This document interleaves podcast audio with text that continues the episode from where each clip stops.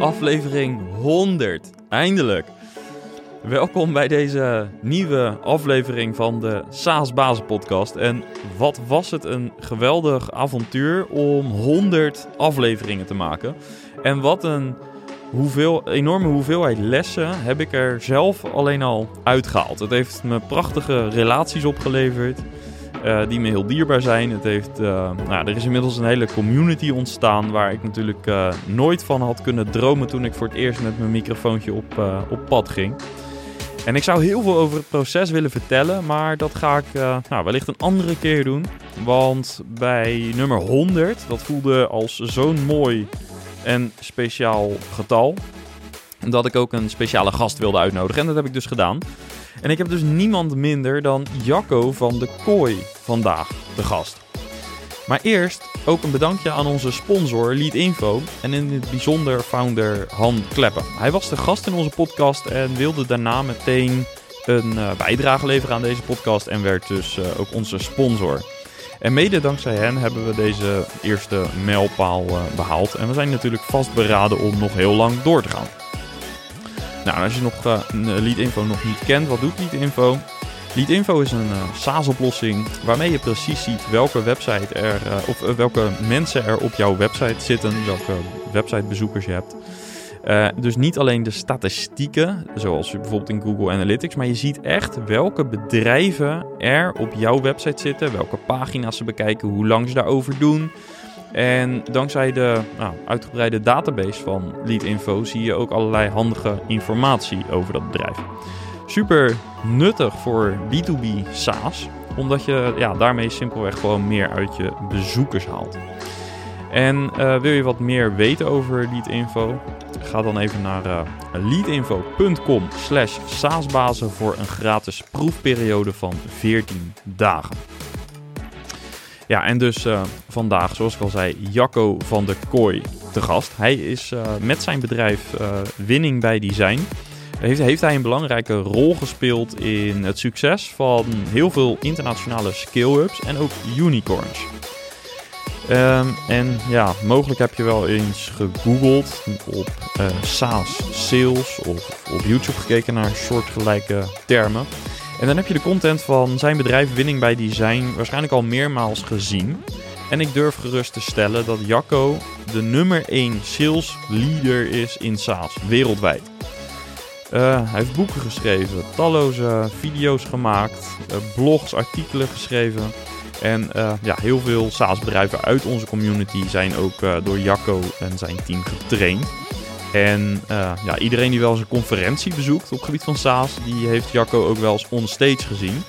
En dat is al een hele belevenis op zich. Altijd super energiek, grappig, enthousiast. Maar boven alles, en dat is waarom ik hem zo graag volg, altijd scherp en super inhoudelijk. Echt een vakman. En uh, ja, die wil je te gast hebben in deze honderdste aflevering. Dus uh, nou, laten we gewoon gauw naar het gesprek gaan. Let's go! Yes, Jacco, Jacco van der Kooi, van harte welkom in de SaaS Bazen podcast. Super tof dat je aan wil schuiven vanuit de VS. Um, welkom. Dat betekent ook dat je vanuit, uh, je werkt al heel lang vanuit de VS, dus uh, je zal misschien sommige dingen in het Engels doen, heb je al gezegd, omdat je al te lang uit het Nederlands bent. Klopt dat? Dat klopt. Nou, ben ik uh, in 1998 uit Nederland vertrokken en voormalig uit Tiel, de Betuwe, Flipje. En uh, ik spreek nog redelijk goed sociaal Nederlands. Maar omdat ik zo vaak uh, Engels praat in de zakenwereld, vergeet je sommige Nederlandse woorden. En dan ben je soms op de verkeerde woorden probeer je het woord business te vertalen naar Nederlands. Ja, dan denk je, ja, dat hebben we eigenlijk Nederland al lang geadopteerd. Hoor, Jacco, dat hoef je niet meer te vertalen. Helemaal goed. Nou, voor mij is juist het Engels weer wat wennen, omdat ik dat eigenlijk nooit spreek. Omdat ik alles Nederlandstalig doe. Dus uh, dat wordt een leuk avontuur. Jij doet gewoon wat, wat voor jou goed voelt. En doe ik dat voor mij. komt helemaal goed. Um, we hadden elkaar vorige week al eventjes, uh, we spraken elkaar al eventjes en toen zei je veel in Nederland, eigenlijk kunnen we in Nederland op SaaS-gebied veel meer dan we misschien wel denken.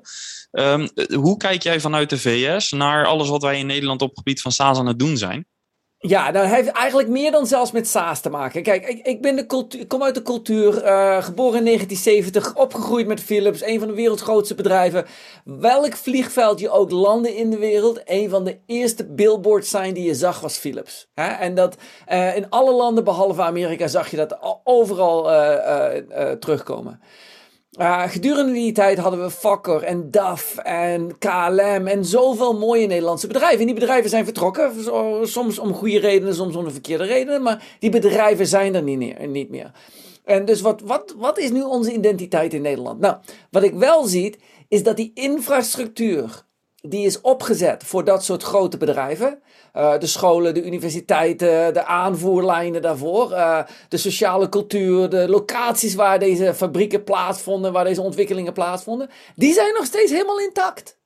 Dus dat is nog steeds allemaal heel mooi beschikbaar.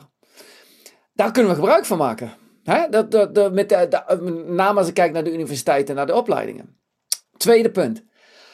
Wat, wat mij opgevallen is, doordat ik, als, nadat ik uit Nederland ben vertrokken, is dat alle dingen waar Nederland om en nabij 1995, 1990, 1995 enorm bekend om staat, om stond rond die tijd, ja, er zijn inmiddels miljarden businesses geworden. Als, als we kijken naar oh, social, ja, we waren altijd al sociaal. Nu hebben we social media. Ja, maar, maar alle sociale dingen die we deden, de koffiemachine, praten bij Philips bij de koffiemachine, al dat soort dingen zijn ontwikkeld. Als ik kijk naar milieuverwerking, uh, uh, recycling, windenergie, ja, daar zijn we al honderden jaren bekend om. Dat zijn allemaal miljarden industrieën gewonnen. En daar zijn wij niet meer bij betrokken, helaas. Niet meer op het vlak van voormalig, als we nadenken over de, de bedrijven zoals Philips enzovoort.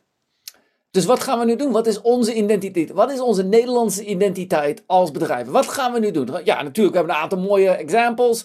Uh, Adyen en Bookings.com, dat zet de stage up. CM is een hartstikke mooi bedrijf, dat is in, in snelle groei. Dus het is mogelijk dat we nieuwe bedrijven kunnen zetten. Maar waar komen die nieuwe bedrijven vandaan? Ja, die nieuwe bedrijven komen uit de SaaS-cultuur. Die komen bij ons vandaan. Jullie luisteren als luisteraars.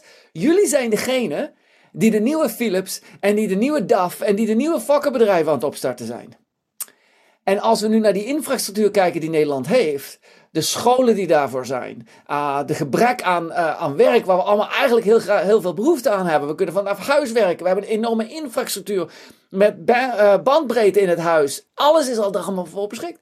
Ja, wat ik zeg is, als we nu als Nederlanders samen gaan werken, waarom zou Nederland niet een van de grootste SaaS-landen in de wereld kunnen worden?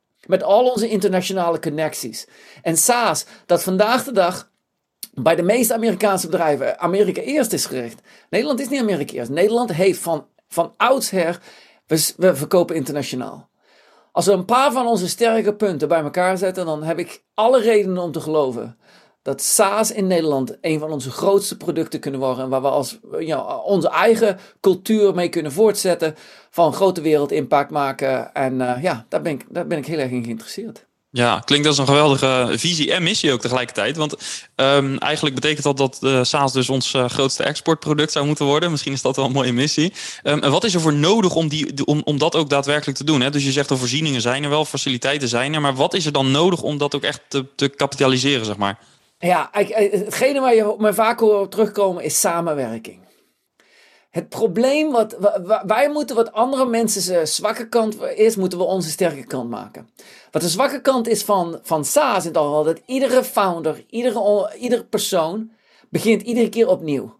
Begint bijna vanaf nul punt af aan. En gaat gewoon weer, en alle fouten en de rendement dat erop komt is enorm laag. Waarom, waarom werken we niet samen? Ik bedoel, like, uh, waarom is het zo moeilijk om samen te werken voor al die andere bedrijven? En wat wij hier in Nederland misschien op een betere manier kunnen doen. Nou, samenwerken als twee founders samenwerken, dat is niet makkelijk. Dat snap ik. Maar samenwerken gebaseerd op een standaard, op een, op een open standaard, dat is heel mogelijk. Ik werkte bij Philips toen MPEG ontwikkeld werd. En ik werkte daarvoor Jan van der Meer, een van de foundational members of MPEG in de wereld. En Philips uh, ging onder, uh, maakte MPEG de open standaard. En heeft, daar more, heeft daardoor de weg neergelegd voor wat voormalig PAL, CCAM, NTSC, overal waar in de wereld waar je televisie moest kijken, moest je aparte televisies hebben en, en weet ik niet. Vandaag daar is MPEG, open standaard. Ja. Ik geloof dat we moeten leren samenwerken door allemaal aan een open standaard mee te werken. Ja. En als we met z'n allen op die open standaard werken, dan, dan werken we kunnen we nog steeds concurreren met elkaar. En dat is goed, dat is ook normaal. Maar kunnen we in ieder geval met elkaar vergelijken en elkaar uh, als een industrie vooruit helpen. Ja, en uh, bedoel je ook dat uh, SaaS als geheel te weinig samenwerkt? Of bedoel je dat, dat in Nederland met name? Dus zie je bijvoorbeeld dat dat in de States beter gaat of in andere regio's? Nee, nee uitgezonderd Brazilië. uh, zien we bijna in alle uh, regio's dat, dat, er een, dat, dat, dat, de, dat de founders met elkaar, meer met elkaar concurreren dan met uh, de industrieën die ze proberen te verplaatsen. Ja, en hoe ziet dat eruit, zo'n samenwerking? Dus in plaats van dat je weer uh, vanaf nul af aan begint, wat kan een founder dan doen om door. Is dat op technologisch vlak of op netwerk of andere ja, onderdelen? bedankt. Nou, ik wilde het niet. Het is niet om te pitchen, maar uh, er is een website die heet thescienceofrevenue.com.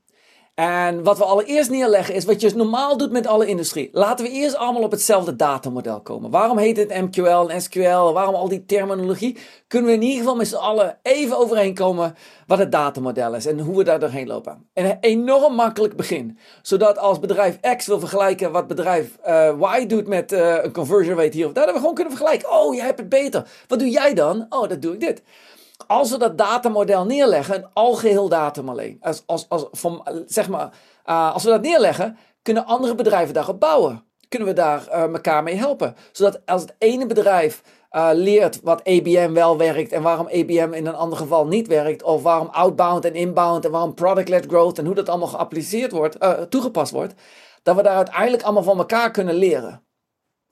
En als we dat doen, kunnen we op elkaar, wat ze, wat ze noemen in Amerika, you stand on each other's shoulders. Je staat op elkaar schouders. Terwijl je on, onafhankelijk van elkaar kan werken. En uh, het allereerste, scienceofrevenue.com, laten we met z'n allen op een datamodel, hetzelfde datamodel gaan werken. Laten we allemaal dezelfde uh, uh, wiskundige pri principes toepassen. ja, en dan, dat is een goed begin. Ja, helemaal goed. Um, ik uh, zal de link naar die website ook even plaatsen in de beschrijving van de aflevering. Um, en toch nog even terug naar Nederland. Um, stel dat we inderdaad met z'n allen zeggen van nou dat datamodel, dat gaan we als uh, waarheid zien en dat gaan we met elkaar doen. wat zie jij dan als andere succesfactoren om die missie die je net beschrijft, hè, het belangrijkste exportproduct om het zo maar te zeggen, om, om dat in te vullen? Dus wat is er verder? Wat kunnen we als Nederlanders doen? Oké, okay, wat heel belangrijk is, ik neem aan dat Booking.com en Adyen.com dat zijn, en CM.com, dat zijn redelijk goede bedrijven waar veel mensen kunnen werken. Waar veel jonge, enthousiaste mensen kunnen werken, neem ik aan. Heb ik daar gelijk in, ongeveer? Uh, ik kan me het heel goed voorstellen. Oké. Okay. Ja, daar moeten we van op universitair en hogeschool en andere, daar moet aan vastgeklinkt worden, moet, daar, daar, daar moet opleidingen. En die opleidingen, die toegepaste opleidingen zijn enorm noodzakelijk. Zodat op het moment dat de studenten uit school komen, dat we ze niet meer het SaaS-model hoeven uit te leggen. En waarom compound impact zo enorm belangrijk is. En waarom daarvoor dat je de bepaalde dingen moet, uh, moet gaan toepassen. Dat kan allemaal al op universitair niveau plaatsvinden. Nou, wat op universitair niveau niet hoeft plaats te vinden, is hoe je een outbound phone call moet doen. Hè? Oh, hier maak je, als je iemand op wil bellen, of hier is hoe je een e-mail moet schrijven. Helemaal blij mee als ze het doen, maar dat is niet genoeg. Ik heb er genoeg over.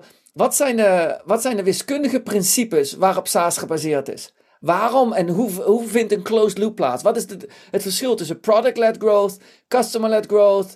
Uh, wat is het verschil tussen inbound en outbound? Echt principes op een diep niveau uitleggen. Uh, ja, zodat onze unicorns die we aan het creëren zijn in Nederland niet iedere keer opnieuw hoeven te be beginnen met, met wanneer ze iemand aannemen. Ja, uh, dit klinkt bijna als een oproep aan uh, iedereen in Nederland om uh, bij te gaan dragen aan aanvullend onderwijs eigenlijk.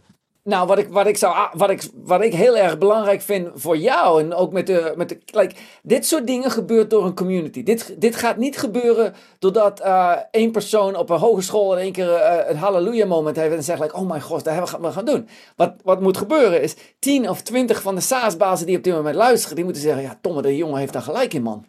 En die moeten jouw contact opnemen met Johan de Wit hier. En die moeten even een workshop gaan samenstellen. Wat hebben we nodig? En dan gaan ze naar drie universiteiten toe en zeggen van... hey, wij hebben mensen nodig. Welke van jullie universiteiten willen ze gaan aanleveren? En je gaat ze gewoon laat ze concurreren met elkaar. Oké, okay, TU Eindhoven, Yes Delft, are you game? Enschede? Hè, welke universiteit? Want wat we in Nederland wel gebrek aan hebben... en alle onderwijsinstellingen hebben daar gebrek aan... is als iemand opleiden, is daar een betalende baan beschikbaar op het moment dat de persoon van school afkomt. Ja, we hebben toch die scholen, we hebben toch al alles beschikbaar nu? Dat is toch duidelijk? Dus vandaag, dat kan niet van alleen Johan de Wit komen. Dat kan niet van alleen Jacco van der Kooi komen. Dat, dat moet komen van 10, 20 bazen die bij elkaar zitten en zeggen naar die universiteit gaan. En namens een industrie zeggen: Ja, we hebben nu wel echt wat meer praktische ervaring nodig. Hoor, want, want ja, we kunnen niet al die mensen blijven opleiden.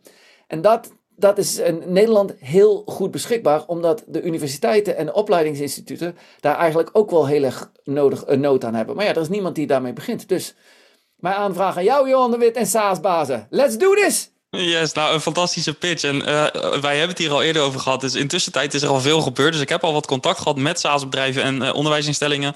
Dus uh, er zit, ja, dit gaat, hier gaat aan gewerkt worden. Nou, en wat ik al heb aangegeven, het is ook al in eerdere gesprekken, indien dat het gaat gebeuren, of wanneer dat gaat gebeuren, laten we dat maar even zo zeggen, dan maakt Winning by Design graag hun intellectual property beschikbaar om naar die scholen daaraan de scholen in te kunnen voeren. En dat, ja, met, zodat de standaard die we hebben ontwikkeld dan ook ingevoerd kan worden op universitair niveau. En dat er ook echt ja, diepte achter zit. Dat het niet, en de content achter zit. En ja, daar zijn we graag bereid om dat allemaal zonder financiële betrekkingen beschikbaar te maken. Ja, fantastisch. En wat daar natuurlijk ook mee bewerkstelligd wordt, is dat niet alleen uh, SaaS-bedrijven bij elkaar hoeven te gaan vissen naar personeel, maar dat we ook de, het aanbod talent groter maken. Want dat is natuurlijk ook wel een issue. Nu moet je echt je talent bij elkaar vandaan halen. Per saldo los je binnen het ecosysteem niks op. En dat is natuurlijk wel wat we op deze manier kunnen doen. Dus uh, nou, fantastische aftrap van dit initiatief. Het is nu uitgesproken en nu tijd om gas te geven. Dus bedankt en we gaan dat zeker samen oppakken. Top. Hartstikke leuk. Top. Um, ja, je hebt ook um, toegezegd in het vorige gesprek dat je wat uh, antwoorden wil geven op vragen waar SaaS-bazen mee zitten. Op iets van sales, uh, customer succes, uh, noem maar op. Um, nou, die oproep die is ter harte genomen, want er zijn best wel wat SaaS-bazen die wat vragen hebben ingestuurd. Dus ik wil ze eigenlijk aan je voorleggen. de meeste hebben wel te maken met sales of customer succes, een klein beetje marketing wellicht. misschien zitten er ook een paar vragen tussen die een beetje afwijken, maar dan hoor ik dat gewoon vanzelf wel. Um, ik stel voor dat en, laten we even eerlijk zijn. Ik heb, die, ik heb die vragen nog niet gezien. Hè. Dit is echt. Je, kunt, echt, je kunt me horen nadenken zometeen. nou, ik, uh, zal, als het heel lang duurt, dan gooi ik er een muziekje in. Maar volgens mij gaat dat wel meevallen. Oké.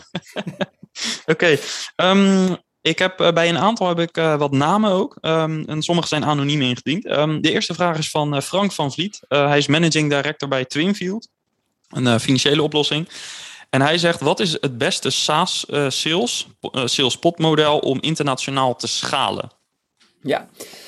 Um, als je internationaal verkoopt, moet je altijd uitgaan dat de lokale cultuur een erg verschillende factor kan toepassen. Hè? Dus als we met name over Spanje nadenken, uh, onderhandelingen in Spanje zijn veel meer ja, on the edge of things dan onderhandelingen in Scandinavië. Dat zijn hele, dus je moet altijd toepassen binnen de lokale cultuur als je een potmodel toepast binnen een lokale module, als je een lokaal team opzet, dan is er een verandering tussen of je een channel gebruikt, een verkoopskanaal, of dat je zelf direct gaat opzetten.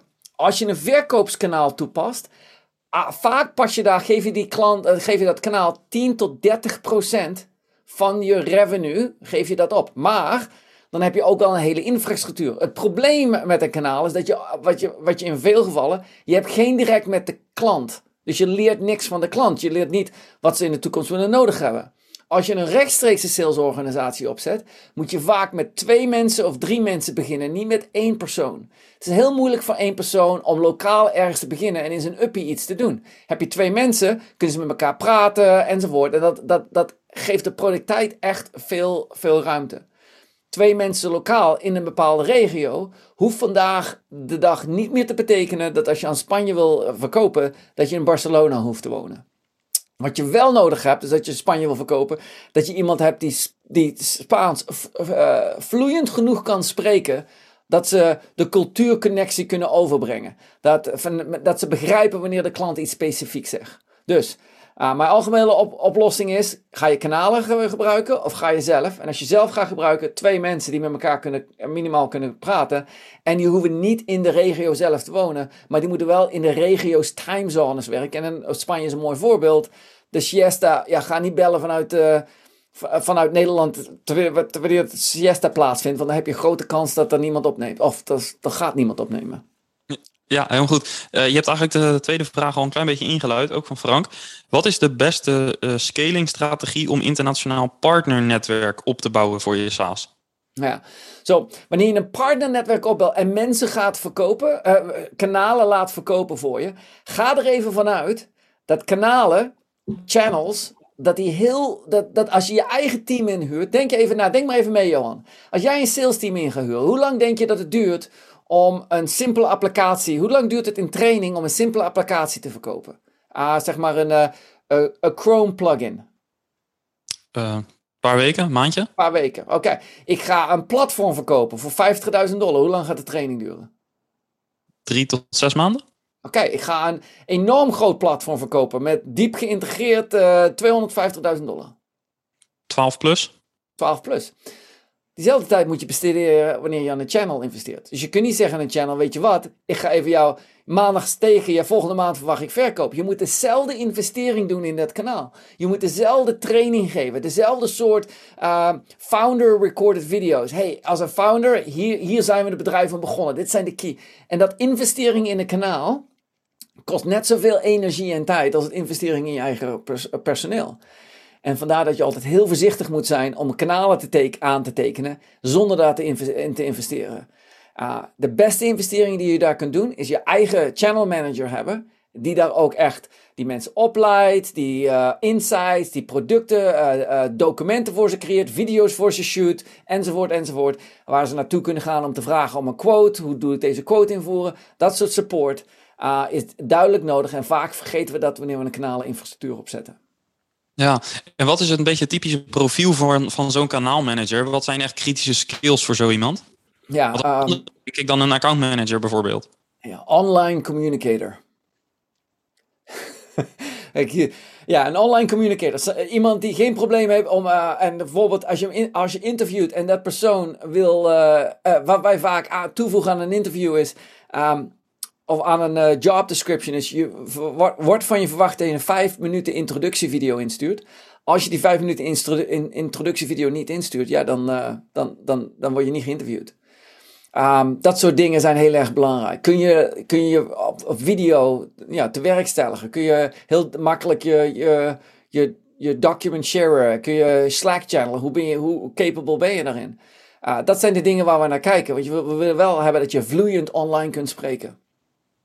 Ja. En bijvoorbeeld twee pagina e-mail sturen is niet vloeiend online spreken. Niemand leest dat. Nee, oké, ehm, helemaal goed. Uh, ik ga door naar de volgende vraag, want we uh, komen hier... En bedankt Frank voor die vraag. Yes, super. Um, ik heb hier een vraag van Jan Martijn Broekhoff. Gaat ook een beetje over partners. Um, uh, wat, of heb je tips voor sales om partners te enthousiasmeren? Ja, Oh, die wil je nu natuurlijk ook nu weten. Maar het antwoord op die vraag is ja, daar heb ik tips voor. Ja. Um, Oké. Wat, wat je moet weer neerleggen over het algemeen is met passie moet je uitleggen wat het probleem is. En uitleggen waarom, in, in de meest normale uh, taal, waarom het zo uniek is wat, jullie, wat je doet.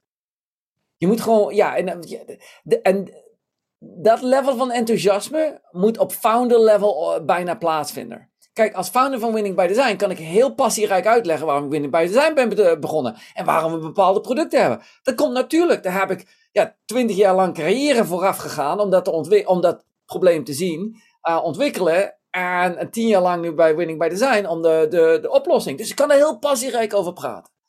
Dat soort passie is, is, is nodig. Twee, uh, je moet mensen laten experts zijn in wat ze heel erg leuk vinden om te doen. En dus als je naar je channel toe gaat en ze zijn een expert in een bepaald uh, gebied of een expert, moet je, moet je helemaal naartoe laten. Wat je heel verkeerd is, als je een, een bedrijf hebt wat een expert is in, uh, laten we even zeggen, aan ziekenhuizen verkopen en zeggen van wil jij uh, dan aan de constructieindustrie verkopen? Ja, dat gaat niet lukken. Maar als ze heel erg passierijk zijn over de ziekenhuisindustrie, dan Laat ze dat brengen naar je. Oh ja, en dan verbind jij als het kanaal, uh, als, uh, als de kanaalleider, verbind jij hun daaraan. Oh mijn god, vertel me meer, vertel me meer. Hoe kan ik jullie helpen? Eén oplossing waar ik heel vaak zie en wat een, wat, wat, wat, wat een misverstand oplevert, is een kanaal heeft jullie product ook heel erg nodig. Dus je moet begrijpen waarom je kanaal, je, je verkoopskanaal, je product nodig hebt. En ik werkte te, toen met Contiki en toen hadden we, om en bij die tijd, hadden we een uh, partnership on, ontwikkeling met British Telecom. En British Telecom, eh, BT, die had dan, uh, die verkocht minuten online conferencing minuten of zoiets. Maar dat was eigenlijk al een heel erg normaal product geworden. Dat in de ja, goedkope prijs, goedkoper en goedkoper en goedkoper in een prijzenoorlog was terechtgekomen. Dus terwijl ik dacht dat, dat BT een enorm groot kanaal was. En met, met, ja, met gebogen hoofd daar naartoe ging van zou je alsjeblieft mijn product willen verkopen. Wat ik leerde was dat door hun zo'n, dat hun zo'n commodity waren geworden. Dat ze uiteindelijk een nieuw product hadden om die executive suite weer in te kunnen. Om weer met de, met de executives een band te kunnen ontwikkelen. En toen ik duidelijk maakte dat dat met het Contiki product kon gebeuren, toen, toen in één keer balanceerde de relatie. En toen konden we beter leren verkopen wat hun ons voor nodig hadden. Wij wisten niet waar onze, onze sterke kanten waren. Dus uh, kijk daarnaar uit wanneer je kanalen hebt. Wel, kun je je kanaal helpen hun probleem op te lossen. En niet alleen maar je product proberen te verkopen. Ja, dus focus op het succes van de partner, dus ook zelf. andere vraag van Jan-Martijn Broekhoff was, ehm, vond ik een hele interessante vraag. Welke lost heb jij het meest spectaculair omgezet in een win en hoe heb je dat aangepakt? Oké, was bij Philips. Het is de eerste die, die, die mij komt. Ah, dus ik, ik, geef twee volden. ik werkte bij Philips. Ik was verantwoordelijk voor een bepaald product. Ik was een ontwikkelaar. ik werkte aan een... we verloren iets. Ah, er was een shipment van een bepaald bord, dat kostte 20.000, 30.000 euro. En dat was onderweg van Duitsland via FedEx of zoiets, ergens naar het Eindhovense eh, SFJ. Ik werkte op SFJ. En uh, dat bord was verloren geraakt. En omdat ik het opdrachtgever was om het te versturen, was het uiteindelijk, was het, was, is het Jacco's fout. En ik was nieuw in mijn carrière bij Philips, relatief nieuw. En uh, en iedereen begon te jappen. Iedereen begon, jappen means dat iedereen begon aan elkaar, ja, jouw schuld, deze schuld. Maar niks werd opgelost. We waren met aan het klagen over waar het probleem nu was. En ik zat erover na te denken. En ik, het enige wat ik mee zei, focus on the problem. Focus on the problem. Try to solve the problem. Probleem was dat het boord weg was. Dus ik ben gewoon met de telefoon aan de, aan werk gegaan. Ik ben gewoon alle FedEx offices die ik kon vinden, gewoon op gaan bellen. En op een gegeven moment werd het bord, en vond ik het bord, werd het gelokaliseerd en kon het laten doorsturen. Volgende hadden we het probleem opgelost. Wat is belangrijk van dit verhaal? Wat is de enorme loss? Focus on the problem. Solve the problem at hand. Don't try to figure out all the other issues that are secondary issues caused by the problem. Stay focused on the problem. Nou, tweede punt. Als je naar een klant kijkt en wanneer je een, een, een klant verliest, verliezen van een klant, de loss, is niet, dat is niet het probleem. Het niet weten waarom je verliest is een probleem. Het verliezen om de verkeerde redenen is een probleem. Um, het algemeen, de beste manier om een loss te voorkomen of om op te lossen of wat dan ook, is om ervan uit te gaan dat win and loss is not the goal of the game. The goal is not who has the better price or has the better product. Because you don't control that. What you do control is who out-educates the customer. The one who educates the customer the best, they will win 50% of the time. En 50%, 50%, daar teken ik voor. Als verkoper, 50%, een van de twee deals winnen, daar teken ik iedere dag voor. Dus mijn manier van oplossen is, help je klant met opleiding en te leren wat het product en wat het probleem en wat de oplossing enzovoort is. En als je dat beter doet dan je concurrent en beter doet dan replacement strategies, dan zul je altijd winnen. 50% van de kans zul je winnen. Ik uh, denk dat iedere staatsbaas uh, daarvoor uh, tekent. Um, andere vraag ook nog van Jan Martijn, de laatste. Ehm, wat zijn de vijf dingen die een founder moet doen als hij zijn eerste sales aanneemt? Hij of zij, uiteraard. Vijf, kom maar op zeg. Vijf dingen. Ja. Ja. Okay. Um, allereerst het, het, het de verkoper le laten leren on the fly, on calls wat er, wat er aan de, meeluisteren aan de calls en aan de hand daarvan te leren. En met name, um, je kunt niet zomaar een verkoper aannemen en als, founder of als CEO zeggen, weet je wat, jij bent de verkoper. Ja, jij moet mij vertellen wat ik moet doen. Die verkoper kan verkopen, maar die weet nog niet het probleem en die weet nog niet de oplossing, dus die moet er worden opgelost. Nummer twee. Luister dit, dit is een hele belangrijke. Het opnemen van, een, van gesprekken, wanneer daar waar indien mogelijk, legaal toepasbaar. Die gesprekken moet de nieuwe verkoper naar luisteren met een invulformulier. En stel je even voor dat op invulformulier zet. Zoek op de, wat is de naam van de persoon die. Uh, en wat is de naam van het bedrijf en wat is de naam van de persoon? Oh, de naam van de persoon is Johan de Wit. Oké. Zoek Johan de Wit op op zijn LinkedIn-profiel. Wat zijn de vijf dingen? Kijk naar Lohan. Heeft Johan een referentie gegeven? En heeft Johan een referentie ontvangen? Kijk eens, wat zijn de woorden die eruit staan? Wat is Johans achter? Is die Johans data-analytisch? Is die uh, visueel? Let allemaal op. En doordat je dat doet, nou als, die als, als je nou als luisteraar, als trainer, als sales trainer, als, als je getraind wordt in dat, en je ziet dat, oh, ik moet al die dingen uitzoeken. Ja, op het moment dat je dan, nadat je dat vijf of zes keer hebt gedaan, dat je drie maanden later een klant aan de telefoon hebt, ga je dat natuurlijk doen. Je gaat natuurlijk opletten waar je naar moet kijken. Dat gebeurt aan de hand van het analyseren van gesprekken die in het verleden hebben plaatsgevonden. Die gesprekken, een analyse van een telefoongesprek of van een, van een, van een recording, een screen recording, hoeft niet een uur te duren. Dus je hoeft niet naar een uur lang gesprek te luisteren. Je kunt zeggen, luister naar de eerste 10 minuten en pik dit op. En dan ja, vier uh, gesprekken later, luister naar de laatste 10 minuten enzovoort. Dus je kunt altijd aangeven. Dus, dus je, de mensen die je opleidt hoeven niet naar urenlang te luisteren. Dat is tweede. Dus luister naar gesprekken. Uh, derde. Um, visit customers. Ja, een visit can be online en uh, in person, dat maakt niet uit. Maar gewoon ja, veel klanten, klanten gebruiken. Maar ook, en dat moet ik ook altijd uitleggen. Je klant, je klant is niet nood, altijd noodzakelijk degene die van je koopt. Je klant kan ook zijn degene die van de binnen het product levert. Dus gaat met je product management team praten en je engineers praten. Oh ja, en dat brengt het, het, het vierde punt is, dudskies, dudettes, gentlemen, boys, women, you know, whatever, like folks, can you please use your own product? Kun je eigenlijk, kun je even gewoon je eigen product gaan gebruiken? Kun je alsjeblieft leren hoe het product werkt, wat wel werkt, wat niet werkt. En de vijfde is, ja, en dan, uh, dan, dan ben ik uh, klaar, denk ik. Ik weet niet of dat is de top vijf zijn, maar dat zijn wel heel, heel belangrijke vijf. Um, luister naar je eigen gesprekken en, en probeer jezelf te verbeteren. Dus uh, vandaag de dag, ik heb inmiddels duizenden gesprekken opgenomen. Uh, ja, maar luister naar je eigen gesprekken. Dus daar heb je de vijf. Ik weet niet of het de top vijf zijn, maar er zijn belangrijke vijf. Er zijn vijf uit de top 10 of top 20. Top. Joost Heiligers vraagt: hoe kun je een sales cycle tussen haakjes drastisch inkorten? Um, het, het, het, het allerbelangrijkste wat een klant wil weten is: een klant koopt niet een product, een klant koopt die impact.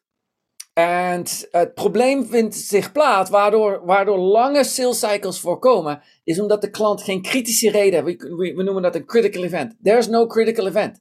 Als de klant geen kritische tijd uh, in, in, in, Nou, wat is een kritische tijd? Een critical event, sorry, dan moet ik even Nederlands. Is er een Nederlands woord voor critical event?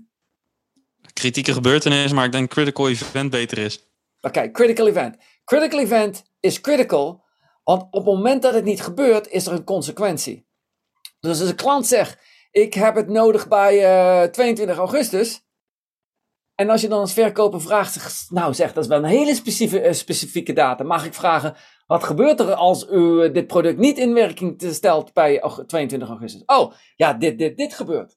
Ja, als, dat, als er een consequentie is, dan, dan is er een verkoop mogelijk.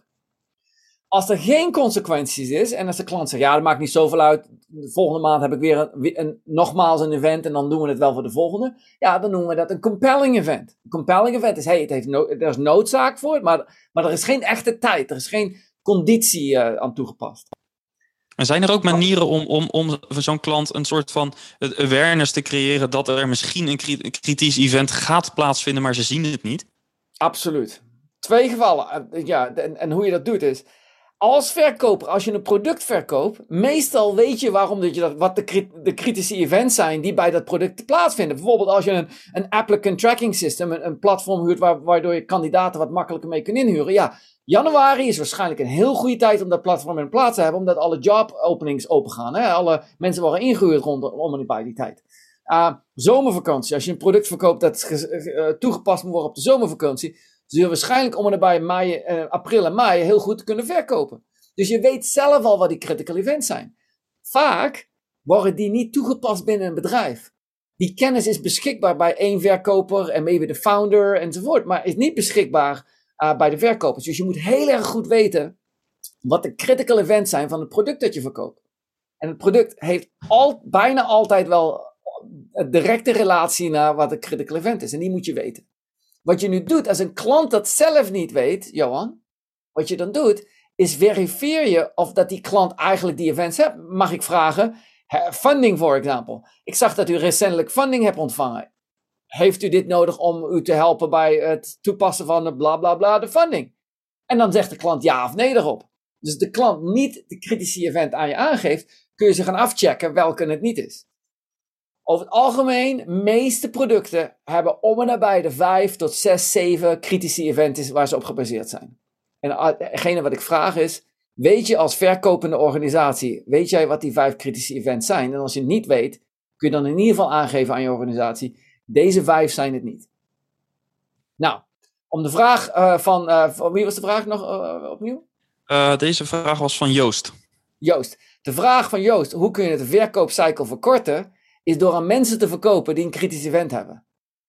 En dat klinkt heel vreemd, maar de meeste van de tijd zijn er mensen aan het verkopen die eigenlijk geen kritisch event hebben. En die daardoor geen haast hebben en daar spend je te veel tijd aan. Dus je moet leren te verkopen, leren te herkennen welke mensen een kritische event hebben, hebben en aan die mensen je, je, je, ja, je energie te besteden. Check. Jan Aleman vraagt: wat werkt beter voor SaaS? Solution-based selling of pain-based selling? Oké. Uh, heel erg uh, verschillende. Hè? En er zijn, er zijn drie verschillende toepassingen van verkopen. Dus ik ga uitleggen: solution-based, consultative-based en provocative-based. Solution-based. Dus uh, oplossing. Stel voor dat, ik een, dat jij iets nodig hebt. Geef iets aan wat je nodig hebt. een simpel product. Um, Nieuwe podcast editing software. Nieuw podcast, uh, podcast editing software. Jij gaat het probleem onderzoeken, wat je, je hebt nieuw nodig en je zegt, ik heb deze drie dingen nodig. En als je die drie dingen nodig hebt, kom je, tot de, toeke, de, kom je tot de uitkomst dat er twee mogelijke producten zijn. Denk ah, product A en product B. Je belt beide producten, uh, beide organisaties op of je neemt contact op en je vergelijkt. Solution says like, hey, you got the problem, here's my solution. Als de verkoper aan jou zegt, maar is veel ingewikkelder. En ik wil even wat langer met je over praten. Denk je, luister nou toch even naar me. Ik, wil, ik weet al wat ik wil. Kun je me even uitleggen wat je prijs is en of dat ik het morgen kan ontvangen? Enzovoort. Solution selling. Heel vaak mis, uh, uh, underestimated. Maar solution selling is, you got a problem, I got a solution. Often heel erg transactioneel. laat me aangeven wat je hebt. Solution selling, platform-based. Uh, CRM, ERP, al die, al die platformnamen, hè, de DevOps platform. Moet vaak geïntegreerd worden. Dus als ik een product wil kopen, en wil jij zeggen, ja, maar werkt het met uh, Jira? En werkt het met Sneak? En werkt het met uh, GitLab? En je wil allemaal weten, werkt het met al die andere dingen? En dan heb je een vraag nodig. Je, wil je, en de verkoper zegt, ja, ik wil wat meer leren. Waarom heb je dit nodig? Waarom heb je Jira nodig? En die probeert jou daartoe te analyseren. Oké? De derde is, wat de meeste SaaS-bazen mee, uh, uh, mee omgaan, is het provocatief verkopen. Is een klant verkopen en zeggen we ja, maar jij lost je probleem verkeerd op. Dus bijvoorbeeld, ik geef even aan uh, wat heel erg provocatief is, is als ik naar, hoe is onze Nederlandse jongen die zoveel plastic, hoe heet die ook alweer? Bojan Slat. Bojan Slat. Bojan Slat zegt, hey, of ik kan het probleem oplossen in de zee, of het komt in de zee door de rivieren, ik kan het oplossen in de rivieren. Dus als iemand zegt van ja, we moeten het probleem oplossen in de zee, zeg, kan Bojan zeggen, ja, ja, dat is een goede manier van nadenken, maar provocatief denken is, laten we proberen te voorkomen dat het in de zee komt. Dat is provocatief verkopen. Dus je challenge eigenlijk de vraag. Je, je, je challenge de vraag. Je challenge de vraag en uh, vandaar ook dat de, technologie, de, de methodologie die daarom bekend staat, challenger selling is. En zo wat je nu hebt, is je hebt die drie posities. Solution selling, consultative selling en provocative selling. Hier komt het probleem. In meeste organisaties, meeste verkopers, hebben niet alleen één nodig, die moeten alle drie kunnen. Dus die moeten eerst onderzoek doen naar de klant, vijf minuten onderzoek. Dan, terwijl de klant online is, moeten ze even een vraag kunnen stellen. Eén, twee vragen. Dan moeten ze provocatief neerzetten. U denkt verkeerd na het over het probleem en dat zeg je wat netter. Heeft u wel eens nagedacht om het probleem op deze manier te zien? Heeft u misschien wel eens ingekeken wat, wat deze mogelijkheden waren? En dat de klant zegt, oh, heel interessant. Dan moet je zelfs kunnen verkopen. De reden waren, dat is de reden waarom we deze twee features in onze product hebben gedaan. Om dat probleem op te lossen. Solution. Dus dat, Ja. dus dat betekent, eh, solution. Dus dat betekent dat in vijf minuten, tien minuten, dat je eigenlijk ehm, je consultative, provocative en then you go solution selling. Het masteren van die skills is iets wat, wat mensen geleerd kunnen worden. Maar dat doen ze niet natuurlijk. En maakt het ook nog uit tegen wie, met wie je te maken hebt? Want eh, wat ik wel eens geleerd heb, ook in sales trainingen in een eh, ver verleden, is dat eh, al, heb je met iemand te maken, zeg maar, volgens de disk profilering met een rood iemand. Eh, dan kan provocative misschien wat sneller en wat, wat meer werken. Hè? Iemand die eh, kan dat, dat vuur aan en die geest die dan in zo'n gesprek komt. Terwijl als je met een blauw iemand eh, te maken hebt, die zal wat meer echt over de solution willen weten. Echt op, op, op detailniveau. Absoluut. Nou, nou wat je nu teweeg brengt is twee dingen. Is the tone of voice. How do you deliver it with? And what, do you, what the content is. En the tone of voice is very important. Uh, is heel erg belangrijk wanneer je met, uh, met andere mensen en andere culturen met name samenwerkt. Hè? En dan, dus daar moet je leren mee om te gaan. En ja, dat is, dat, is, dat is wat over het algemeen een sales professional toch wel redelijk op ingesteld moet zijn. Want dat zijn dingen waar, waarop ingehuurd kan worden. Wat je kunt vergelijken in de inhuur. Hè? Dus als men, diverse mensen die interv interviewen doen, kun je zeggen: Oké, laat ik iemand van die meer een introvert is interviewen. En uh, laat ik een extrovert interviewen en kijken wat het, uh, wat het geval is. Wat ik wel wil uitleggen, is dat fantastische verkopers hoeven niet altijd een uh, fantastisch mondje te hebben en heel goed te kunnen kleppen. Dat is niet noodzakelijk de beste verkoopstechniek in, in, in, een aantal gevallen. Het, ja, het helpt in, in veel gevallen, maar het is niet noodzakelijk. Een introvert, reserve person, calculative, all that stuff kan, kan ook heel goede verkoper zijn. Oké, okay, komen we zo nog terug, want er zit een vraag ook een beetje in die hoek. Maar eerst een vraag van Raf Soentjes van Kroni.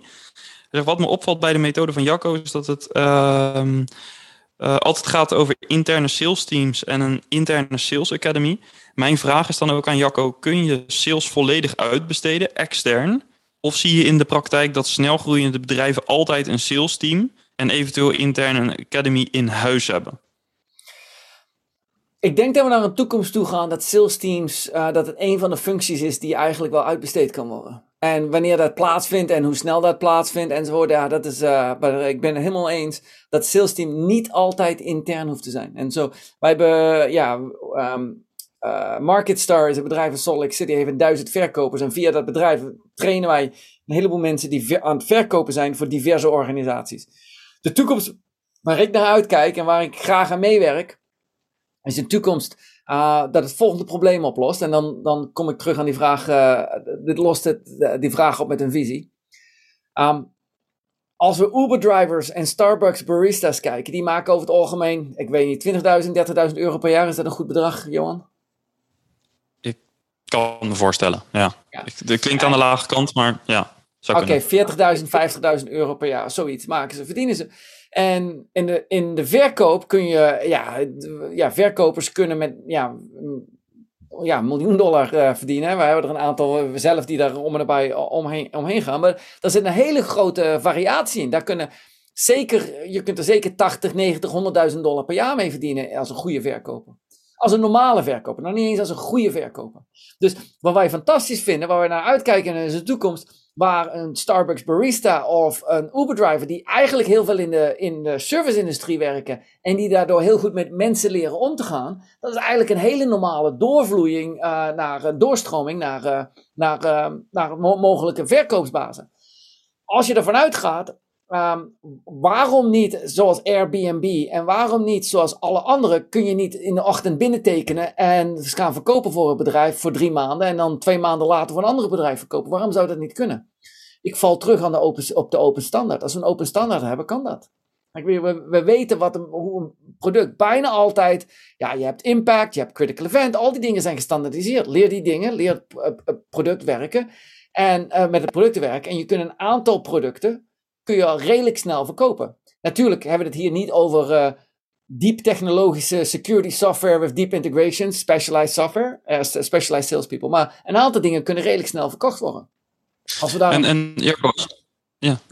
Nee, ga je gang. Ja, als je, ja, als je dit zo zegt, uh, wat met de binnenschiet, ik kan je gedachtegang heel goed volgen als het gaat wat meer om de hard skills, die heel goed te trainen zijn, denk ik. Maar um, het beeld dat ik ook altijd heb bij sales is dat het heel belangrijk is dat er ook een bepaald enthousiasme en ook een bepaalde binding met het product is en met het bedrijf waarvoor je verkoopt. enthousiasme. Ehm, ik kan me voorstellen dat je dat wat minder hebt op het moment dat mensen wat makkelijker een paar maandjes voor dat bedrijf, een paar maandjes voor dat bedrijf werken. Hoe kijk je, daar, hoe kijk je daarnaar? Heeft te maken met, het, met name met het team en het product. Um, bijvoorbeeld als je e-mail software verkoopt, zijn er 50 verschillende e-mail software programma's die je kunt verkopen. Dus ik wil niet zeggen, hey, op, op één moment ga je een product verkopen dat is uh, verkoopt uh, inhaleringsequipment, uh, technisch voor een ziekenhuis. En de volgende dag verkoop je bulldozers aan een installatiebedrijf. Er zijn vaak hele soortgelijke producten binnen een bedrijfscategorie, binnen een betaalde categorie, bepaalde categorie. Dat is ja, dus, precies. Ja. Ja, en you know, denk maar als je naar een aantal banen bekijkt. Waarom zou je als, uh, als dokter niet van ene ziekenhuis naar het andere ziekenhuis kunnen gaan? Waarom zou je niet als serveerder in een restaurant van het ene restaurant naar het andere restaurant kunnen gaan? Waarom, waarom kun je in, van ene leraar op één school naar een andere school? Die, die banen zijn heel vaak en, uh, transfereerbaar naar andere. Waarom als voetballer kun je niet voor één team spelen en wel voor een andere? Daarom zeg ik vaak aan, is like, het is alleen maar in, het is it's in our mind. Ja, ik kan, me, ik kan, me, alleen voorstellen dat, het, uh, dat je je zo betrokken voelt bij een team. Kijk, de, de reden denk ik ook dat mensen goed verkopen is volgens mij soms ook omdat ze heel erg enthousiast zijn over het bedrijf, over de cultuur, trots zijn op, op dat wat, wat ze hebben gebouwd in de afgelopen jaren. En uh, mijn vraag is dan ook, hoe belangrijk is uh, zeg maar enthousiasme in sales? Welke rol speelt dat? Hoe belangrijk? Enthousiasme is belangrijk bij passion. Als enthousiasme passion is. Enthousiasme is, hey, uh, ik zal het uitleggen wat we nodig hebben. Enthousiasme is, ik, woensdagavond, ik wil heel erg leuk, ik denk dat ik leuk kan zingen. Ik ben heel erg, ik, ben, ik vind zingen heel leuk. Ik zie het, ik oefen het, ik doe het heel vaak. Ik ga drie uur lang in de rij staan om aan een zingcompetitie mee te kunnen doen. En ik zing en ik kan niet zingen.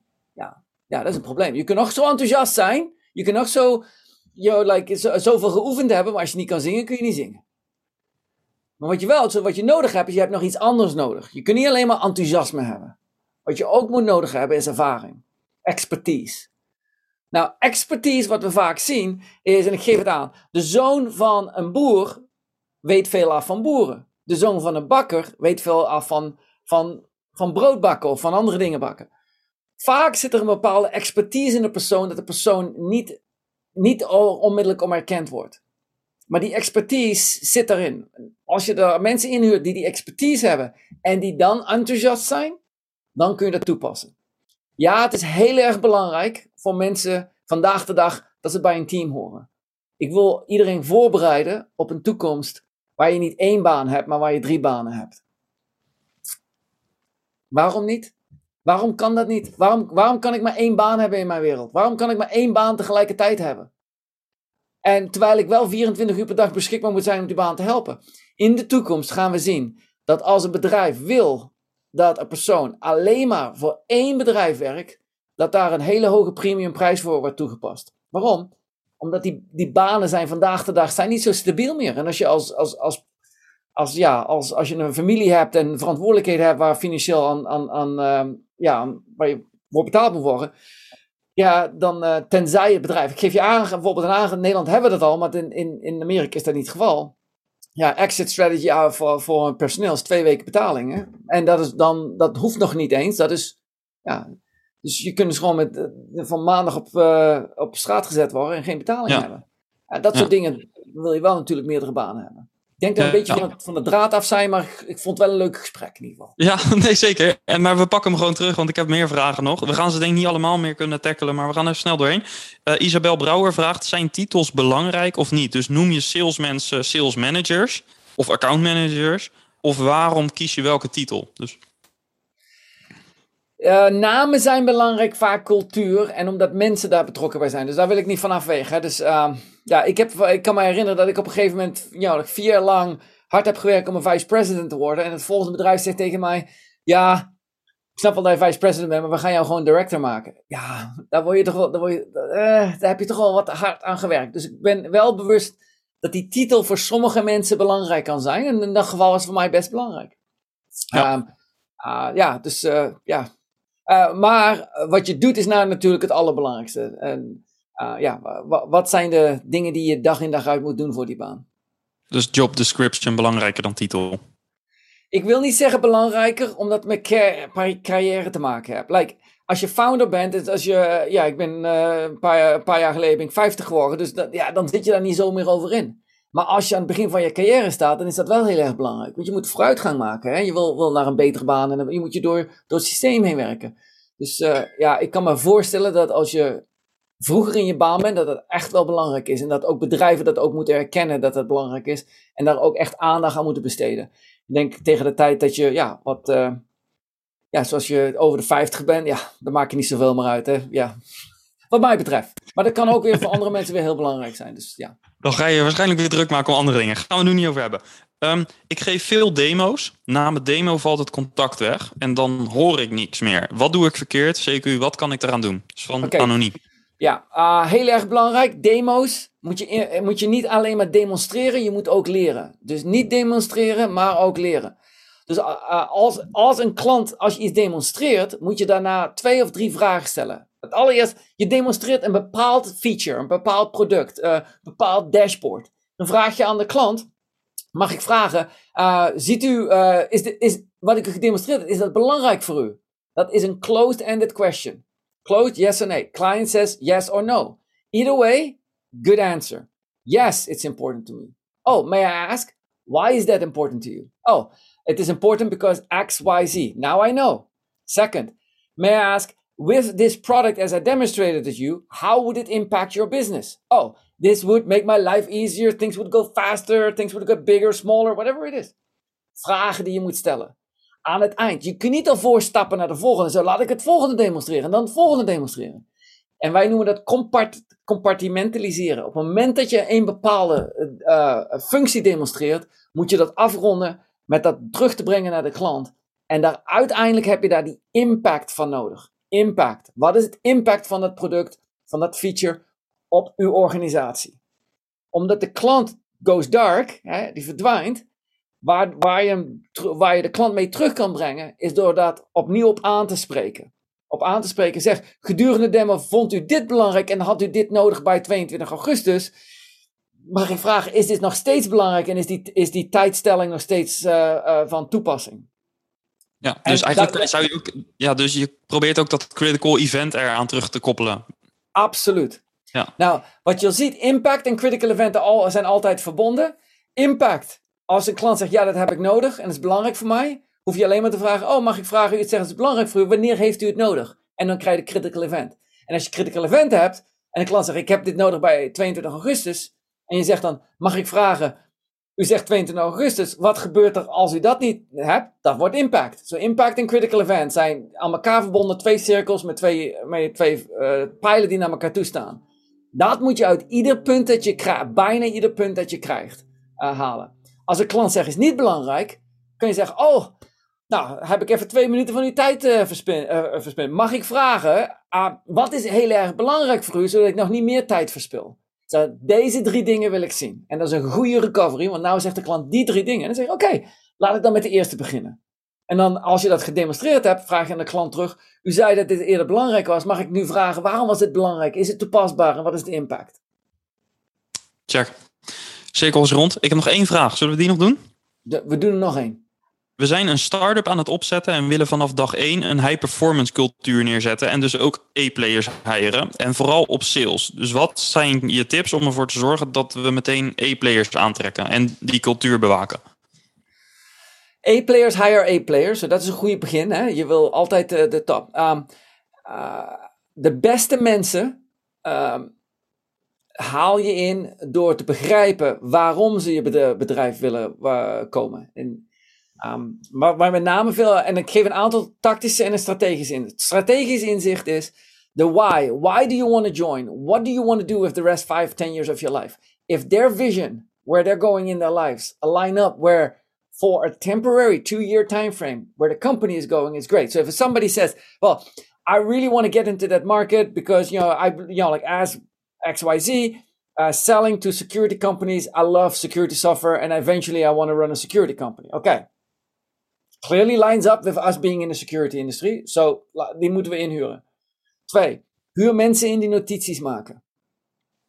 Je kunt letterlijk mensen aangeven, oké, als ze geen notities maken, hè, en ik geef je een voorbeeld aan, als als iemand een interview binnenkomt en zegt: Oké, vandaag de dag, uh, welkom voor je interview, uh, bla bla bla, gesprek hier en daar. De vier meest belangrijke uh, factoren wat we hier naar kijken binnen bedrijf XYZ, waarom we, waar we naar jullie geïnteresseerd zijn, is nummer 1, nummer 2, nummer 3, nummer 4. Oh, goed. Tweede persoon interviewt hem. Zo, so, heb je met Jan gesproken? Ja, en wat zei Jennifer? Ja, oh ja, Jennifer was een goed gesprek. heeft Jennifer nog tegen jou vermeld wat de vier meest belangrijke zaken zijn? Ja, oh, wat waren die? Uh, ja, dat heb ik, ben ik vergeten. Ja, ik ken er twee nog, maar de andere twee ben ik vergeten. Ja, hallo? Waarom? Eh, eh, zometeen moet je alle je klanteninformatie onthouden, hè? Ja, de klant gaat vertellen, dit is heel belangrijk en dat is heel belangrijk en dit is, belangrijk, dit is nog belangrijker. Waar zijn je notities? Je hebt alleen maar onthouden wat jij wilde onthouden. Hè? Dus vandaar heel goed om te interviewen en te zien doen ze wat het belangrijk is voor in, in, in de dagelijkse situatie. En nummer drie, zoals ik al eerder zei, ik wil heel erg graag zien dat ze het werk doen waarvoor ze interviewen. Dus als ik een VP of Sales inhuur, sta ik erom bekend dat ik zeg, wel, hartstikke leuk dat je VP of Sales wil worden. Hier, kun je even een Excel spreadsheet voor me openen? Ik geef je 10 minuten kun je even een forecast voor me op samenbelden. Een SaaS forecast. Ik heb X, dit is je beginsituatie, dit is je eindsituatie. Kun je de, de, de 12 maanden, 11 maanden in between even invullen. Hoe je dat gaat doen. Nou, ben niet, natuurlijk hoeft niet nauwkeurig te zijn. Ik wil gewoon even zien. Kun jij nadenken over waar de compound impact? Kun je nadenken over wat je churn is en hoe dat gaat, dat, dat gaat groeien? Als je mensen interviewt op, op verkoop, oké, hartstikke leuk dat je hier bent. Uh, je bent door de eerste ronde heen gekomen. Morgen, of volgende week, uh, mag je alle producten die je wil verkopen, pik, mag je current producten zijn. Als je niet hebt, kun je je deck geven dat je ons product kunt verkopen. Uh, je kunt een ticket naar een voetbalwedstrijd verkopen. Wat dan ook, ik wil het wel even zien. Dus we willen jou even in werking zien. E-mail, SDR's. Kun je maar, hier heb je een e-mail, open up, Google document. Ik ga even een glaasje water halen. Kun je even een e-mailtje naar mij toeschrijven om het te adresseren? Ik wil dat allemaal zien. Oh, gaan we naar LinkedIn toe? Oké, laat me even binnenstappen. Hey, open je LinkedIn, zoek mij op. Oké, send me a text message. Oké, put on mute, communicate me via LinkedIn. Tell me, I don't want to hear you. Yo, mute. Oh, cool. Communicate with me. Like, I want to see that. You can't tell me that you're good and that I'm going to hire you. Superstars, demonstrate it. And I, look, laten we niet altijd nauwkeurig zijn. Hè? Op het moment, als mensen het redelijk goed doen, dat is goed genoeg. Natuurlijk, iedereen moet leren. Maar ik wil wel even zien wat ik, wat ik, in, wat ik, ga, wat ik ga inhuren hier. Ja, dus minder praten en meer laten doen. Laten doen. Ja. Mooie afsluiten, Jacco. Ja. Mag ik jou een vraag stellen? Ja, zeker, tuurlijk. Behalve die laatste, want daar hoor ik het meeste altijd. Behalve die laatste, wat is het meeste wat, uh, waar jij, uh, wat indruk maakt op jou? Denk je, dang het, dat is een goede gedachte. Ik vond uh, het heel sterk die, uh, de vraag die gesteld werd van, door Jan. Wat, is, wat werkt beter, solution-based of pain-based? En dat eigenlijk het antwoord is, nou, je hebt eigenlijk drie varianten. En je moet ze alle drie moet je ze beheersen, omdat de fase in het gesprek bepaalt welke skill je het meest nodig hebt. Dus het vermogen, dus eigenlijk moet je in je, in je skillset, moet je dus heel breed ontwikkeld zijn. En dus heel analytisch zijn in het gedrag met wie je spreekt. Dus wat krijg je terug? Welke feedback krijg je terug? En hoe schakel je? Vond ik een heel interessant inzicht. Oké, nou ga, gaan we even, ga ik even dieper op in. Ben je oké daarvoor? Ja, tuurlijk, 100%. Okay. Ik wil dat je mij een fiets verkoopt en in solution selling techniek. Dus jij moet me een fiets verkopen en, en, en solution selling is wat? Wat, wat, gaan we doen in solution selling? Uh, dan wil ik weten, ja, wat, wat, ga, wat, verwacht je van de fiets? Dus uh, uh, waar nee, nee. ga je de fiets voor gebruiken? Ja, solution selling, features. Ja? Consultative selling, waar ga je de fiets voor gebruiken? Provocative selling, je moet er helemaal anders over nadenken. Solution selling, verkoop me de fiets. Oké, check. Ja. Oké, de elektrische fiets, dat is fiets 1. Uh, dus dit is elektrische fiets. En um, hij heeft um, uh, dikkere banden, zodat je ook uh, in het winterseizoen overal kunt rijden. Absoluut, twee features. Oh, fantastisch, wil ik kopen. Oké, okay. feature selling. So now I'm going to tell you consultative selling. Oké, okay? use the electrical bike. Consultative selling. Ja, ik was op zoek naar een fiets, want ik wilde van punt A naar punt B. Wat moet je nu doen in consultative selling? Uh, de vraag stellen. Vraag, stel me een aantal vragen. Uh, Oké, okay, allereerst, uh, wat voor afstanden leg je af op een dag? Ah, ja, vaak tussen de 5 en 10 kilometer. En in Nederland, dus we hebben nog wel eens sneeuw en slecht weer. Oké, en in Nederland dus, ehm, ik neem aan dat dat altijd vlak is en behoorlijk veel tegenwind, dat soort zaken. Absoluut, ja, tegenwind daar heb ik altijd hartstikke probleem mee. Oké, check. En dan gaan nou we weet je, ja. Nou weet je consultative selling, hè? Ja. Oké, nou wil, wil ik een provocative selling. Nou weet je wat ik weet? Ga ervan uit dat je die dingen ook al weet. En verkopen nu de fietsen, je weet, door met de provoca... Uh, uh, ja, hoe je dat doet op Nederlands. Ja, ja provoceren, ja. Provoceren. Jacco, je zegt dat je op zoek bent naar een fiets, maar als ik zo hoor wat je ermee wil gaan doen, heb je volgens mij geen fiets nodig. Volgens mij heb je een snorscooter nodig, want dat geeft jou veel meer gemak. Absoluut. Nou, gooi je dat, zie? Nou, ik noem dat, en, en ik, normaal vergelijk ik niet graag uh, uh, vechtsporten en, enzovoort, militaire acties met verkopen. Ik wil toch heel even toch alleen maar de analogie van vechtsporten, omdat het zo duidelijk hier toegepasbaar is. Wat je hebt, je hebt drie verschillende stansen. Je hebt boksen, karate en full contact fighting en, en, enzovoort. Wat ik nou deed, is in de eerste solution verkoop, dat is één stans. We gaan aan het boksen. Tweede is, oké, solution verkopen. Ah, we gaan nu karate doen. De, de, de, de benen zijn erbij. En de, de derde toevoeging van sport is, ah, we gaan full contact MMA, consultative, oh sorry, provocative. provocative en jij, jij verandert die posities. En gedurende een vijf minuten uh, conversatie die je hebt, ben je, ga je er continu omheen en leer je wat de klant nodig heeft. En de klant heeft soms solution nodig, soms wil hij de solution horen. Dat is fantastisch, je deed het hartstikke goed. Dankjewel, leuke ervaring. En uh, dat, het voelt inderdaad meteen als een training. Ook al duurt het maar vijf minuten. Echt uh, superleuk. En uh, bedankt daarvoor. En leuk om dat rollenspel dus even te doen. ja, Angel, wat je ziet en waar ik ook altijd vanuit ga, om het, om weer terug te brengen naar het begin, is wanneer we dit, kijk, op universitair niveau um, kun je dit uitleggen. Solution selling, consultative selling, provocative selling. Kun je uitleggen hoe diep vragen gaan naar de verschillende niveaus. Je, je begint met open en closed, zodat de mensen op zich ja, kunnen uitleggen en hele organisaties kunnen gaan opbouwen. Hoe bouw je nou een, een, een, een um, professionele salesorganisatie op? Nou, mag ik vragen aan jou, wat zijn in vandaag de dag, wat zijn de Nederlandse bedrijfstakken waar wij nog enorm bekend in zijn? Uh, binnen SaaS bedoel je of daarbuiten? overal, als Nederland. Nou, ik ben laatst heel erg verrast door de sheartilt sector, dat die echt bizar groot is nog steeds. Oh, sheartilt sector? Ja. Ja, Smit-Tak ken ik Nederland nog heel van. Ik hoop dat het nog steeds Nederlands is. Ja, ik denk het wel, ja. Kijk er maar eens naar uit. Hoeveel Nederlandse, hoeveel Nederlandse executives wereldwijd de verkoop leiden ergens? Er zijn enorm veel Nederlanders die je overal krijgt. Salesforce was een Nederlander. Dus je ziet heel veel Nederlanders leiden en ook, ook best nog wel technische kwaliteiten. Dat zie je ook terugkomen. Waarom kunnen wij in Nederland Terwijl Duitsland bekend is om de engineering. Terwijl uh, uh, Italië bekend is om de, wat, de mode. En uh, Frankrijk bekend is om de cultuur, etenscultuur. Waarom kunnen wij niet op, wereld, op wereldklasse niveau een verkopers, verkoop leren en daarmee zero's in alle bedrijven ter wereld Nederlands kunnen zijn? En daarmee brengen we natuurlijk zaken terug naar Nederland en op die manier kunnen we Nederland nog groot maken. Waarom, waarom maken wij dat niet waar we natuurlijk al goed in zijn? Geef daar vorm en structuur aan. En, leer, en geef les aan op universitair niveau. Wanneer we dat doen, kunnen we Nederland veranderen. Cool. Verbeteren. We, we, gaan ervoor. Dankjewel. Ja, uh, is, is er nog iets wat ik uh, niet heb gevraagd wat je wel wilde delen met de luisteraars? Ah, nee, ik, ja, kijk, uiteindelijk wat ik, wat ik altijd wil graag delen met mensen is dat. Uh, look, ik ben uit Nederland ik ben in Nederland geboren, in Tiel opgegroeid. Of als Tiel was, uh, naar Tiel gaan was naar de stad gaan. ik groeide in Drumtop. dat is nog, een dagleider. Tussen Zoelen, allemaal klein enzovoort. Hè? En um, hoe kan het dat we in Nederland, hoe kan zo'n klein, hoe kan, ja, van, vanuit hier, hoe, hoe kan dit? Um, wat ik vraag, graag aan Nederlanders uitleggen, we namen me ook met SaaS-bazen. Alles is mogelijk. Alles we kunnen, de wereld is onze oyster. De wereld, we kunnen doen wat we willen. Hè? Vandaag de dag, wij doen het hartstikke goed. We zijn juist vanavond twee snelst, grootste, eh, snelst groeiende bedrijven in Silicon Valley genaamd. het gaat allemaal hartstikke snel hartstikke goed. Allemaal vanuit Nederland. Maar wat is het? Wat is het? Ja, en uh, ik denk maar uh, aan de volgende. We are extremely privileged. We are extremely. If you're listening to this podcast, you are in a privileged position.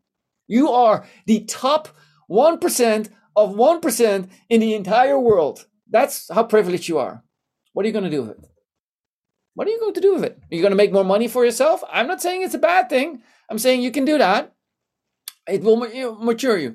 Eventually, op een gegeven moment moet je denken, nadenken, ja, die geprivilegeerde positie, die kennis die ik heb, die netwerk, alles wat ik heb, het is mijn verantwoordelijkheid om de wereld beter te maken. En hoe dat ook is, dat hoeft niet natuurlijk met enorm plaats te vinden. We gaan een miljoen mensen in Afrika helpen. We gaan de olifanten helpen. We gaan uh, uh, dit helpen. Dat kan zelfs helpen met de tien mensen om je heen. Dat kan zelfs helpen met de buren uh, aan de overkant van de straat. alles. Maar je, je hebt een verantwoordelijkheid. Als je naar deze podcast kan luisteren. Als je al deze de, dingen tot je beschikking hebt staan. Dan moet je daar iets goed weten te doen. Hoeft niet, nog, niet morgen te beginnen. Zou graag zijn, maar hoeft niet. Maar dat is een bepaalde verantwoordelijkheid. Die met dit soort kennis netwerk en capaciteit van jou verwacht wordt als persoon. Dus ja, dat wilde ik toch nog wel even mededelen. Schitterende oproep. En uh, ik uh, voel hem binnenkomen. Thanks. Oké. Okay. Dankjewel Jacco. Graag gedaan. Top. En uh, dank aan alle luisteraars. Hartstikke leuk. bedankt om mijn Nederlandse taal weer te laten oefenen. Ik vond het even hartstikke leuk dat jullie me ja, weer te gaan doen. Dankjewel en een hele, hele, hele fijne winter toegewenst. Ging supergoed. Dankjewel. hoi hoi. Hoi hoi. Ja, en dat was dus niet zomaar een gesprek. Uh, Jacco brengt uh, ja, altijd talloze ideeën, kennis, enthousiasme, visie, leiderschap. En uh, ja, via deze plek dus nogmaals dank Jacco daarvoor. Ja, tot zover dus aflevering 100. Ontzettend bedankt aan jou als luisteraar, podcastgast, die in de voorgaande 99 afleveringen geweest zijn. Het uh, team dat me helpt om de podcast te maken, de communityleden, de partners, de sponsors, allemaal heel erg bedankt. En dit was nog maar het begin, want ja, we gaan natuurlijk volle bak door. En uh, mijn vraag aan jou, vind je het waardevol wat we doen? Uh, ben je zelf SaaS-baas en ben je nog geen betaald lid? Voor 300 euro per jaar draag je bij aan de groei van onze community. En help je ons dus om dit soort dingen te doen. Je geeft daarmee uh, niet alleen 300 euro weg, maar je krijgt ook uh, daar wat voor terug. Want je krijgt toegang tot exclusieve content en vooral ook toegang tot de tweewekelijkse online meetup met andere SaaS-bazen.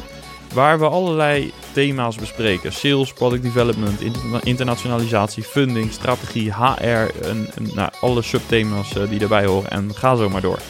Kortom, ehm, we zouden het te gek vinden als je lid wilt worden en we je vaker uh, gaan zien. Ga naar saasbazen.nl om je aan te melden als lid. En uh, uiteraard tot uh, de volgende aflevering weer. Bye bye.